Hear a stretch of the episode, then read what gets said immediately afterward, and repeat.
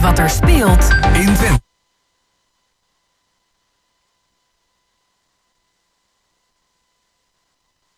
En Ronald Remmelswaan.